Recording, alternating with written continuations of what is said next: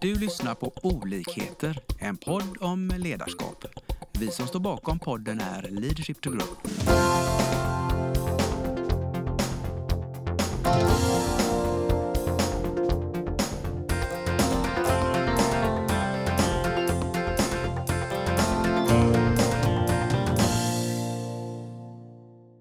Välkommen till eh, dagens podd. Eh, idag har vi en jättespännande gäst som ska få presentera sig lite granna själv. Varsågod. Jag heter Cecilia Kores. Jag är eh, smyckesdesigner och grundare för äkta smyckesvarumärket Mumbai Stockholm som jag grundade på ett hotellrum i Indien 2014 med 2000 kronor kvar av resekassan. Och på den Oj. vägen är det. Det var lite spännande. Vad, kom det sig att det började så? Jag eh, hade varit i Indien i eh, ungefär åtta månader och eh, hade först varit på utbytestermin och sen tyckte att det var så spännande så jag sökte om ett minor field study stipendium från Sida och fick det. Så jag fick stanna kvar och skriva min masteruppsats där. Och eh, sen så när jag skrev då masteruppsatsen ute på landsbygden i Indien eh, då eh, blev jag så inspirerad att eh, jag när jag hade tre veckor kvar eh, gick till en silversmed och så sa jag till honom att eh, men kan inte du göra ett, eh, en liten silverlänk som jag kan ha runt foten och ta med hem till Sverige för att visa folk hur fantastiskt det här landet är. Och så gjorde han det utifrån liksom min design, eller den var ju väldigt enkel design. Eh, och men sen tyckte jag att den blev så vacker för han gjorde ju den på liksom 20 minuter i sin silverstudio. Eh, så, tyckte jag, den- ja, så tyckte jag den blev så vacker så jag tog kort på den och eh, la ut på min, eh, privata, i- min, mitt privata Instagramkonto och så sa jag till att om jag kommer hem om tre veckor är det, är det någon mer som vill ha en sån här silverlänk?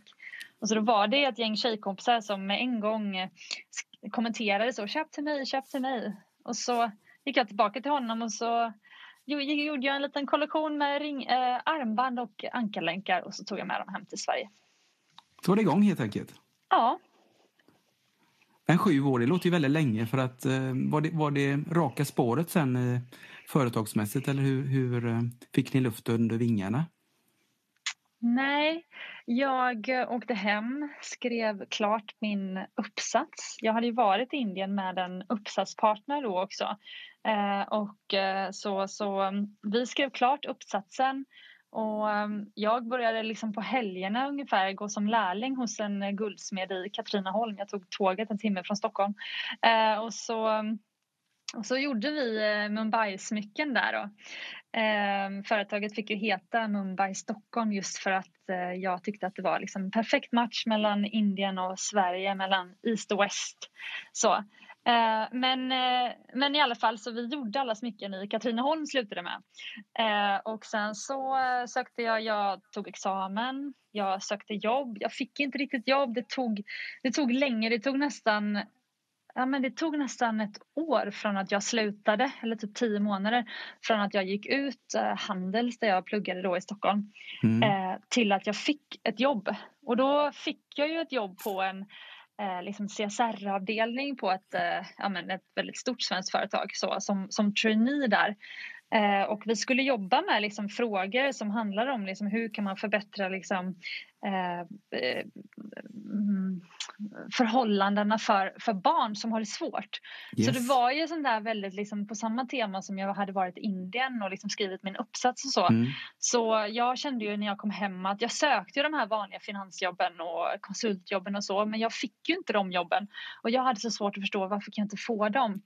Eh, men nu kan jag ju se liksom eh, ja, men som, som, som du sa innan att eh, det här med att det liksom inte syns i ögonen att man vill ha det här jobbet. Och det enda som Precis. syntes att jag ville ha var väl det här liksom CSR trainee-jobbet då.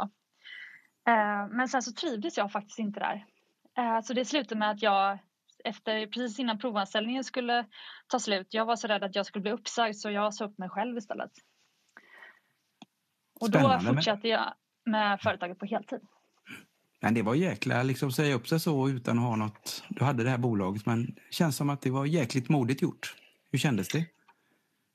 Nej men det tog ju, eh, då hade jag drivit Mumbai Stockholm i ett och ett halvt år. Eh, så, men vi sålde smycken för ungefär 50 000. Jag tror jag sa upp mig i eh, början på augusti och den månaden så sålde vi smycken för typ 50 000 vilket är om man efter skatter och efter liksom produktionskostnader och sånt då har jag liksom 5 000 kronor kvar att leva på. Eh, så att eh, jag bodde med min tvillingsyster då i en lägenhet och hon betalade liksom hyran för mig den månaden. Eh, men sen så redan i september så kom ju omsättningen upp till 140 000. Alltså den liksom, vi nästan, vi tre, eller det var ja. ju jag, men eh, det var ju bara en one man show då i princip och så min guldsmed. Eh, men jag tror verkligen på det här att när du, när man då släpper något, som jag släppte ju det här heltidsjobbet och så liksom ger man sig, det är som att man skapar space för att något annat då kan komma in. Och då var det som att liksom, men herregud, det gick ju visst att liksom leva på det här. Alltså jag hade inte jätte, jag kunde inte ta ut jättehög lön då på det men det, det liksom, jag kunde betala Funkar. min hyra och ja precis. Ja, jag tänker för våra lyssnare, och det här är ju en liten lärdom då att om man satsar all in och det lyser i ögonen så, så det går att komma igång. Ja men verkligen. Men sen så ska jag säga att alltså, kravet från mig själv på att det här skulle funka var ju så extremt stort att eh, liksom, det var bara, du vet, when there is, det finns ju ett uttryck som heter typ when losing is not an option. Alltså jag berättade inte ens för mina föräldrar att jag hade sagt upp mig så det var ju först eh, tre månader senare, typ i november i året när jag liksom, nej men bye, funkade, när jag liksom kunde ta ut en lön på det. Det var då som jag så här, nej men jag har förresten upp mig från jobbet och nu kör jag bara Mumbai liksom. Då kom så, den? Ja. ja, precis. Så att, eh, och det var nog bra. Alltså, jag hade sagt till min syrra innan att så här, vet du vad, jag bara känner jag måste säga upp mig från jobbet så jag kommer nog göra det på måndag liksom. Och då sa hon så här, vet du vad, om du känner det så ska du nog göra det. Hon sa det? Och, ja. ja. Och hade hon inte sagt så, då vet jag inte riktigt. Men det kändes så skönt att det var en person som liksom bara sa okej, att okejade liksom. Det betyder mycket? Ja, någon, en, en supportperson. Mm. Ja, men det är också en lärdom om man tittar då framåt att uh, lite grann när vi började prata om den här podden, det var just att go for your dream tänkte jag. För att det, det är ju så viktigt och, och vi tycker ju då att fler människor ska ta chansen att verkligen släppa, om man säger ekorrhjulet och våga satsa på det man som kittlar. Ja, alltså det, lös, det kommer lösa sig. Det kommer det göra. Ja, men jättebra, härlig start. Liksom. Och, nu, och nu har ni hållit på i sju år och eh, jag vet ju att ni, du har ju anställt personer och ni har startat en podd. Berätta lite, vad, hur ser vardagen ut idag? Ja, vardagen ser ut... Eh, jag eh, Eh, det var ju i eh, augusti 2015 som jag sa upp mig och så då körde på egen hand. Och sen så i juni 2016 eh, då anställde jag min första tjej som, som fick jobba där. Och nu vet inte jag ja, du som lyssnar om du driver eget eller om du drömmer om att driva eget eller eh, vilken, vilken position du är. Eh, men det här att gå från att vara då en one woman show till att ta in sin första anställd. Det tror jag att de flesta som har varit i den sitsen liksom skulle hålla med om är liksom otroligt stort. Och det är alltid den här skräcken till att så här, kommer ens den här personen ha tillräckligt mycket att göra? Eller anställer jag någon nu som nästan inte kommer ha något att göra? Eh, och kommer man, liksom, kommer man kunna betala ut den första lönen och så vidare? Så det är ju en sån liksom, stor grej som är liksom ganska eh, men, vad heter det, pivotal på engelska. Jag vet inte riktigt eh, ordet på svenska. Eh, men det är ju en stor grej. Men sen så när man har liksom byggt, börjat bygga teamet så, då tycker jag att det går mycket enklare sen att fortsätta bygga teamet. Eh, när man liksom då redan har blivit ett gäng. Så nu är vi, eh, nu är vi, eh, eh nu ska vi se, fem, fem anställda. Eh, och sen så är vi ett väldigt stort team. Vi är liksom tio pers pers till som liksom uh, är en del av teamet men som inte är anställda. Det kan vara guldsmeder eller steninfattare eller stenleverantörer och så som vi absolut inte hade kunnat klara oss utan och som är en jättestor del av vilka vi är men som driver liksom egna firmor och, och fakturerar yes. oss istället. så. En imponerande verksamhet på de här åren känns det som. Ja, ja kanske det. Men du, det, jag går igång lite på det här då när du säger lärdomar kring att anställa. För precis som du säger, det är, ett, det är ett stort steg, ett viktigt steg när man börjar anställa i ett företag. Och eh, vad har du för lärdomar kring det? Några tips till våra lyssnare? Vad ska man tänka på? Jo, men eh, det är bland de viktigaste lärdomarna jag har och den mest spännande resan i allt det här har ju varit resan i eh, ledarskap och teambyggande. Yes. Eh, alltså jag har ju gått från att alltså det hände ju, något, jag kan faktiskt dela då ett, vad ska man säga, ett väldigt stort misslyckande som, som jag tyckte då. Och det var att ja, jag anställde då den här tjejen i juni 2016. Och, i, och sen så kom det till en till tjej i det här och sen så, så vi var tre stycken och jag tyckte att ja men det är så fantastiska tjejer och vi är ett bra team och så vidare. Men sen hösten 2017 då stod jag plötsligt med från en vecka till en annan att eh, vi var tre personer och sen plötsligt var det bara jag kvar. Oj. Eh, ja, och det var en av tjejerna, hon min första anställd, hon sa upp sig själv i ett liksom eh, ja, men en, en situation som jag själv inte är så stolt över i efterhand. Eh, och den andra tjejen sa jag upp i princip bara några dagar senare. Och då, okay. mm. ja, och då kände jag mig verkligen som så här, världens sämsta Eh, person, företagsledare, chef. Att jag, och så ringde jag och sa till mamma att jag kommer aldrig kunna eh, anställa igen och eh, jag är liksom en, en hemsk chef och så vidare och så vidare.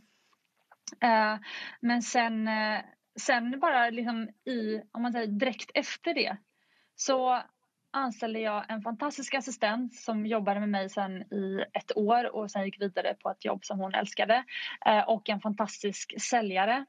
Och då blev vi ett team på tre som var så starkt för att vi, vi, eh, vi, vad ska jag säga, vi hade samma värderingar, vi hade samma grundvärderingar som vi liksom inte behövde nästan prata om för vi bara förstod varandra när vi, när vi pratade. Eh, samtidigt som eh, alla vi tre då hade så otroligt separata roller där vi liksom hade egna ansvarsområden. Och, och någonstans i det så insåg jag liksom okej, okay, men det är det som är ett bra team. Alltså det är inte att alla ska man ska inte vara liksom, som vi var då innan, nästan tre systrar som skulle liksom gå i armkrok i alla beslut. Och, eh, det slutade i princip med att de helt plötsligt eh, ja, men gick in till liksom ateljén och, och liksom designade smycken utan att jag visste om det. Alltså det, det blev liksom så himla... Eh, och jag tog över liksom någon annans arbetsuppgift. Liksom, det blev ju ett liksom mischmasch. Mm. Och jag tror liksom att många kan känna igen sig i det här när det liksom inte... När det blir missförstånd och jaha, skulle du göra det? Nej, men det skulle väl jag göra. Och sen, men har du inte gjort det där? Och det där mejlet, nu är det någon som har väntat i en vecka på svar. Och, och det handlar ju verkligen om så här, det är dåligt ledarskap eh, från, alltså från mig om man säger. Yes. Eh, och det var då jag på riktigt började med liksom, för, för sen så då när jag hade de här, när vi blev ett jättebra team på tre istället, då började jag läsa ledarskapsböcker. Eh, jag började liksom förstå att okej, okay, men för att eh, bli en bra ledare, då måste du först bli en bra ledare av dig själv. Alltså de flesta ledarskapsböcker kommer ju tillbaka till ledarskap av alltså självutveckling. Mm. Och liksom sen dess är ett av mina största intressen i princip självutveckling och jag delar det med alla som vill lyssna. För att det, liksom, det är där det, det där, där. Det, ja. ja. det börjar verkligen där. Så att um, ja, det var, ja, det, så det, mm. Jag menar, en kommentar eller reflektion från min sida ja. också. Det är, det är så ja. härligt att du på något sätt låter det som att du omfamnar idag det här det misslyckandet som det var då, där och då. Att, att det blev fel, men det, det var ju väldigt värdefullt framåt att du insåg vad som krävs. Stämmer Absolut. det? Absolut. Och sen kan man ju då känna eh, jag kan nästan känna idag att så här, gud, jag vill nästan liksom gå tillbaka till de här mina liksom tidigaste teammedlemmar och bara liksom, eh, liksom berätta liksom mina insikter jag fått efteråt. Liksom. Mm.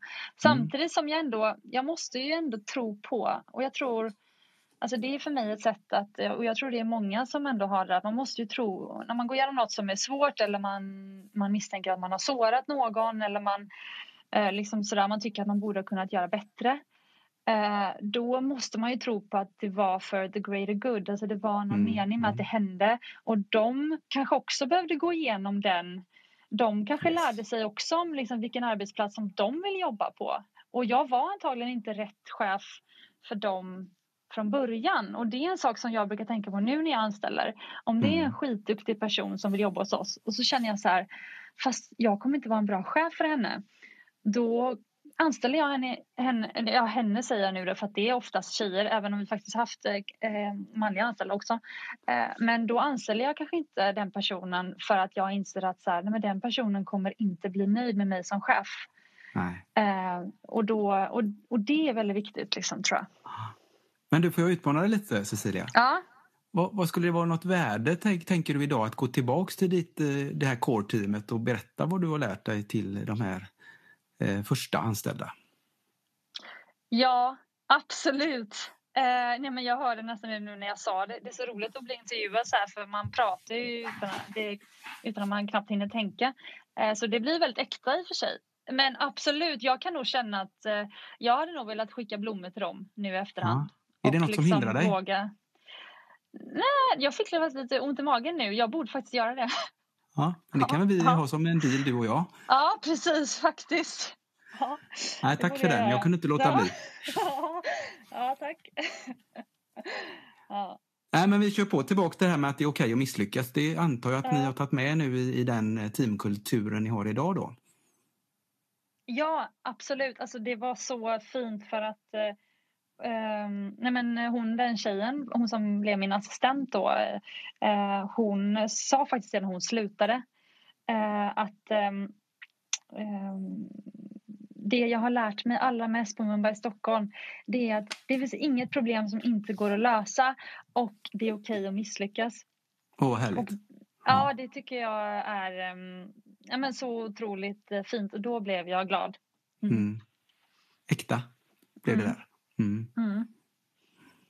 Nej, men jag tycker det, det är jätteviktigt. Vi fångar upp det väldigt mycket att vi är lite rädda ofta i, i alla fall i, i den svenska kulturen att misslyckas. Men så som du formulerade nu så är ju det faktiskt att eh, det är en lärdom som är väldigt, väldigt viktig och väldigt, väldigt värdefull. Så att eh, låt oss misslyckas lite mer på det här viset. Ja, verkligen. Ja, men tack, tack för de insikterna, det var, det var jättebra. Du hade några mer grejer när vi snackade upp oss här, det här med teambyggande och eh, sånt där. Vad, vad, liksom, vad finns det mer för nycklar kring att, att bygga team, tänker du? Jo, men det handlar ju väldigt mycket om att uh, lita på varandra. Och mm. lita på varandra gör man ju inte. Man litar ju inte på någon för att de säger att du ska lita på dem. Utan man blir ju liksom, någonstans blir man ju övertygad om att eh, eh okej, okay, men det här är en person att lita på. Och eh, ofta handlar ju det, tycker jag, i arbetssammanhang om eh, dels att de är liksom, duktiga på sitt jobb eller liksom säger att så här, ja men det vet jag inte riktigt, men jag kollar upp det. Och sen så liksom ger man förslag utifrån liksom den kunskap man då har tagit till sig på något sätt. Så att det här liksom, och sen så med eh, tillgängligheten måste jag ändå säga. Alltså vi är ju ett eh, vad ska jag säga, digitalt team. Vi har ju ett showroom i Stockholm där vi samlas och kan jobba och så vidare. Um, men vi har alltid liksom jobbat, även innan liksom de här coronatiderna som vi är i nu, även innan det så har vi alltid varit ett eh, liksom, digitalt team och suttit på olika platser och så vidare. Eh, och då handlar det ju väldigt mycket om att eh, men en av grundvärderingarna skulle jag säga som finns i bolaget utan att vi faktiskt ens har sagt att det finns. Men det, det är det här med att man eh, liksom är tillgänglig. Alltså skickar man ett sms i vanlig kontorstid så får man liksom svar väldigt snabbt och det är liksom mm. enkelt att så här, eh, snabbt eh, ta gemensamma beslut i de beslut som man behöver ta gemensamt. Men man liksom, får man inte svar så liksom kör man vidare med sin grej. Och jag älskar det till och med när jag märker att oj nu har jag inte varit tillgänglig på liksom en eller två timmar. Och så får jag sen ett sms, du jag läste det så här istället. Och så blir jag så här, perfekt. Och det är då, då känner jag, exakt, då känner jag att så här, gud det är rätt person på rätt plats. Och eh, vilken tur, återigen så här, det som sker är meningen att det ska ske. Vilken tur att jag inte hann läsa det innan så jag hann svara. För att liksom, det gick ju jättebra ändå. Eh, men jag märker det faktiskt bara liksom, ja, det har ju, utan att det har varit eh, katastrof så, så har man ju ändå så här, eh, alltså vissa, vissa anställningar, alltså det var en Eh, jag tycker ju att ehm, Sarah Blakely som är en kvinna i USA som startade Spanx, det här jättestora underklädesvarumärket som är, har blivit hur stort som helst i hela världen. Eh, hon sa att hur bra du än är på att anställa så kommer det ändå 50% av gångerna bli fel. för att det är så svårt och det är så svårt, det är inte förrän du har börjat jobba ihop som, som man liksom märker vad eh, mm. Ja, liksom hur, hur, hur det funkar. Så att det här också att inte döma sig så hårt då på om det inte funkar och då kan man ju istället så försöka liksom ofta så är det ju om någon inte trivs på jobbet då är det ju eh, då är det ju ömsesidigt. Alltså det är mm. båda som inte trivs oftast. Det är ju inte att en är jättenöjd och en är jättemissnöjd. Så att tidigt då våga liksom ta upp, nu är jag jättenoga om jag bara märker att en en av mina kollegor har liksom en lite sämre dag, eller jag har en sämre dag, att man liksom pratar om det redan då.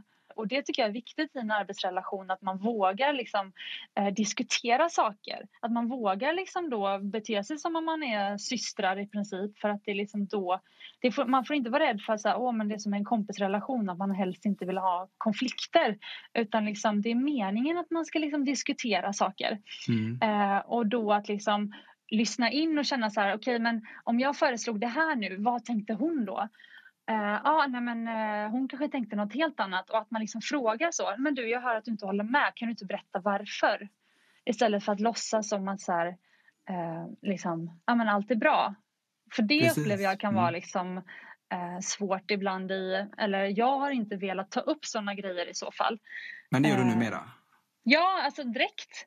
Och jag märker att det, liksom, det funkar väldigt bra för då känner sig den andra personen hörd med en gång. Mm. Ja, men det är ett jättebra tips tänker jag för, för de som lyssnar in här. Att, att våga lyfta upp på bordet det som skaver lite kanske och, och ta det rätt av.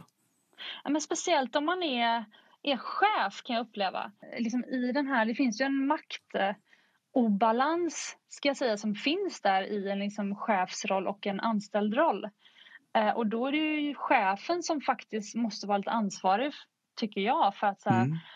Eh, liksom, man måste verkligen känna efter så här, men vänta hur föll det här ut och är det högt i tak, är det inte högt i tak och då måste liksom chefen så det kommer ju liksom kulturen måste ju liksom verkligen komma från liksom, liksom ja, det, nu sitter jag och vevar med armarna i cirklar så att det liksom går ja, upp och ner och ner och upp. Och... Film nästa gång. Ja, verkligen. Ja. Nej, men jag förstår, det är ju jätteviktigt liksom att, att eh, chefen har ju då ett, ett ansvar att föra upp det och lyssna in. Så att det, det här med kommunikationen och våga ta kanske det korta, de, de jobbiga frågorna gör ju att det blir, du bygger kulturen på ett positivt sätt.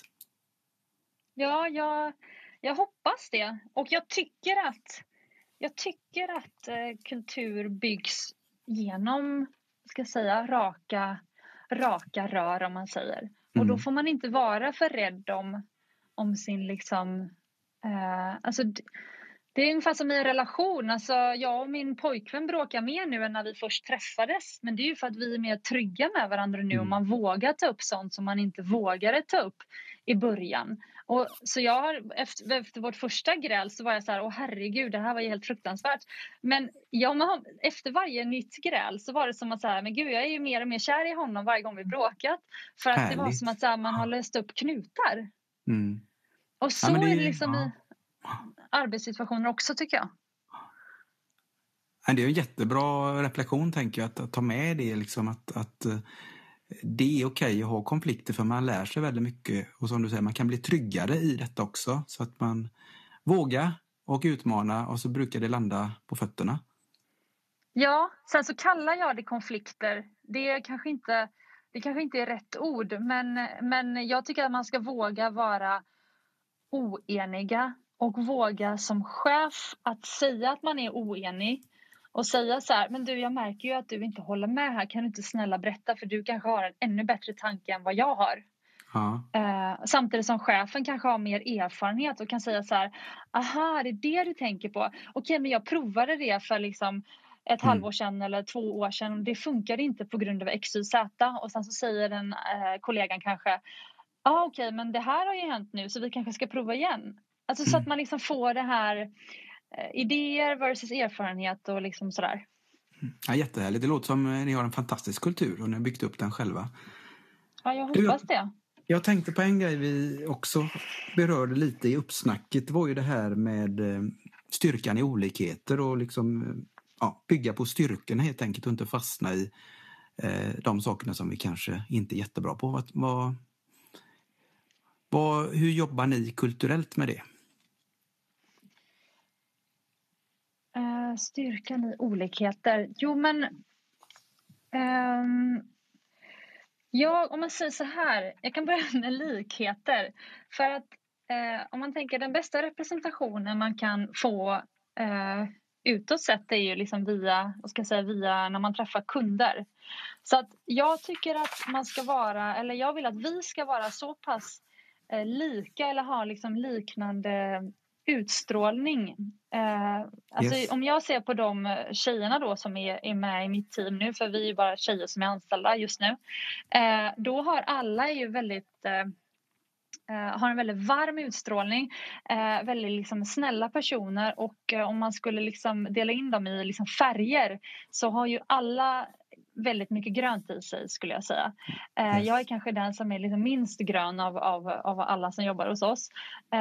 Men, men jag har ju omedvetet liksom nästan, nu kan jag se att det har varit eh, ja, eh, omedvetet alltså, sökt mig till de personerna för att jag själv blir glad av att träffa dem. Okej, okay. ja, spännande. Ja. Och det är ju då att jag kan, jag kan sätta varje, vem som helst framför en kund och kunden ska känna tydligt att så här, okay, men det här är ju en Mumbai-tjej. Mm. Det är liksom ingen skillnad med vem man träffar nästan. Eh, men bakom kulisserna då, alltså det som pågår i de här liksom tjejernas hjärnor, det är ju helt olika. Och det viktiga för mig är att eh, det jag märker, eller vad jag har sett i liksom konkurrensen på arbetsplatser och när jag själv var anställd och sånt, det är ju när personer vill ha varandras jobb. Alltså att man har ett jobb i dagsläget men egentligen drömmer man om att eh, bli liksom marknadschef och så är det liksom fem personer som vill till samma roll. Och eh, ja, det jag ser nu hos Mumbai och som jag liksom sökt efter det är att jag liksom vill att alla kör sitt spår. Att liksom, det är ingen som hellre skulle vilja ha någon annans jobb utan alla är precis där liksom, de eh, liksom, ska vara och liksom vill vara. Mm. Och det tycker jag är, eh, är eh, viktigt. Ja men den är ju jätteviktig, tänker jag den, den eh, insikten då att är en människa där de vill vara och de får köra sitt spår då slipper man konkurrens och sen kan det också då, man kan blomma ut där man är och sen håller du ändå ihop teamet att ni utåt sett så är det en varm stämning så att säga. Precis och det som är det som är liksom det viktiga, för jag kan till och med fråga det, jag har inte jag är nog ingen regelrätt chef. Eh, jag har inga så här regelrätta utvecklingssamtal och sånt där. Ehm, som jag kanske borde ha. Vem vet, jag får ehm, fråga den anställda. Eh, men jag brukar vara väldigt noga med att eh, ha mer ehm, vad heter det, så spontana eller ja, men man har liksom samtal som mer liksom handlar om, alltså man, man pratar en torsdag i telefon i en timme mm. och så pratar man liksom om men, uh, hur trivs du nu och hur har den här veckan varit och har det liksom varit mycket att göra eller vad, vad, har, vad har varit jobbigast den här veckan, vilken uppgift har varit liksom så här superjobbig eller och så vidare. Och Precis. då kan man liksom märka vart det skaver. Alltså ofta är någon, om någon skulle bli missnöjd på jobbet så är man inte missnöjd med allt. Utan ofta är det så här, det är en stor grej eller två möjligtvis, men ofta är det en stor grej som liksom nästan förtar glädjen av alla andra uppgifter. Mm, mm. Och det viktiga för mig är nästan att så här, som en så här curlande förälder, att man liksom så här, okej okay, men vi försöker liksom såga bort de här delarna. Så om den uppgiften som du tycker är så jobbig, finns det någon annan, annan i teamet som inte tycker den är så jobbig, då kanske den uppgiften kan bli den personens istället. Så att man liksom försöker. Jag, vill ju, jag är ju själv en sån glädje, jag älskar ju att ha det kul eller, eller vad ska jag säga. Så att mm. jag är ju, vill, är ju väldigt noga med att så mina kollegor också ska liksom ha kul. För att det är då jag tror det blir så mycket lättare med motivationen då. Alltså, det, och så vidare. Så, så liksom det här att försöka liksom ta bort de här allra värsta uppgifterna hellre än att så här, eh, liksom, ja, men det måste vara kvar för det ska vara på ditt bord för det har det alltid varit hos eh, en assistent. En assistent har alltid gjort de här uppgifterna. Ja. Ja, men det låter ju jättehär. Jag menar, det här låter ju mycket, mycket bättre än att ha utvecklingssamtal. Att, att det, du, du och ni, eller hur? Det tar, fortsätt så. Ta det på uppstöds, ha en dialog. Och låt liksom, som du säger, glädjen styra. För det, det är ju då det blir, tänker jag, det här, du skapar ett team med, med synergier. Att ni liksom på något sätt korsbefruktar varandra och det här varma kan, kan bli ännu varmare. Ja, det känns som att jag är på ledarskapsutveckling nu. När jag är med i den här podden. Får massa bra tips. Ja, nej, men det, det, är ju så vi vill jobba, att dela med oss av reflektioner tillsammans ja. så händer det grejer i, i samtalet. Så att det, det är väl alldeles utmärkt. Men du, jag tänker, har du, har du missat något i dina framgångsnycklar här? För jag tycker vi har berört väldigt mycket intressant. Så, men är det något mer du tänker som du vill framföra som bra eh, lärdomar? Jo, men det är, eh, det är nog att um, alltså om du känner att något är rätt i din mage, då är det oftast rätt. Och det som kanske kan vara svårt om, om man jobbar i eh, ett företag. Alltså jag har ju glädjen, eller vad ska jag säga, turen eller förmånen just nu då i det här samtalet av att inte ha en chef. Så jag kan ju liksom gå på min magkänsla och jag kan ändra beslut eller liksom eh, eh, ta nya beslut liksom på studs om man märker att något... Men i en organisation, om man har en chef eh, då kan man ju inte göra det liksom på samma sätt. Eh, men jag tycker ändå att det är värt att så här, om du känner att något inte stämmer där du är eller att liksom, det här känns rätt i magen och vi borde verkligen satsa på det här. Det är ingen annan i företaget som sett det, men vi borde satsa på att liksom mm. hoppa på det här tåget. Eh, då tycker jag att du ska lita på det och ta upp det med din chef och, eh, eller liksom de runt omkring dig som mm. kan vara med och påverka beslutet. Eh, och eh, din chef kommer älska det eh, och eh, du kommer ha så jäkla kul på jobbet sen. Så att liksom att våga Ja, att våga liksom köra kör, liksom kör på sin magkänsla ändå. Ja. ja. men det är väl ett grymt avslut om man säger så. Våga lita på din magkänsla och, och ut med den och säg till din chef och dina, dina, de omkring dig så blir det bra. Ja, verkligen. Nej, nej, men jag tycker eh, vi kan väl avrunda där så tar vi en ny podd vad det lider. För det... tack, tack så jättemycket och hoppas alla lyssnare får eh, ta chansen att lyssna på det här avsnittet. Ja, tack snälla för att jag fick vara med. Det var jättekul. Vi hoppas att vi har väckt tankar om hur du kan utveckla och stärka ditt personliga ledarskap. Följ oss gärna på våra sociala medier där vi heter Leadership to Grow. Om du vill ha mer inspiration och verktyg, gå in på vår hemsida leadershiptogrow.com. Tack för att du lyssnar.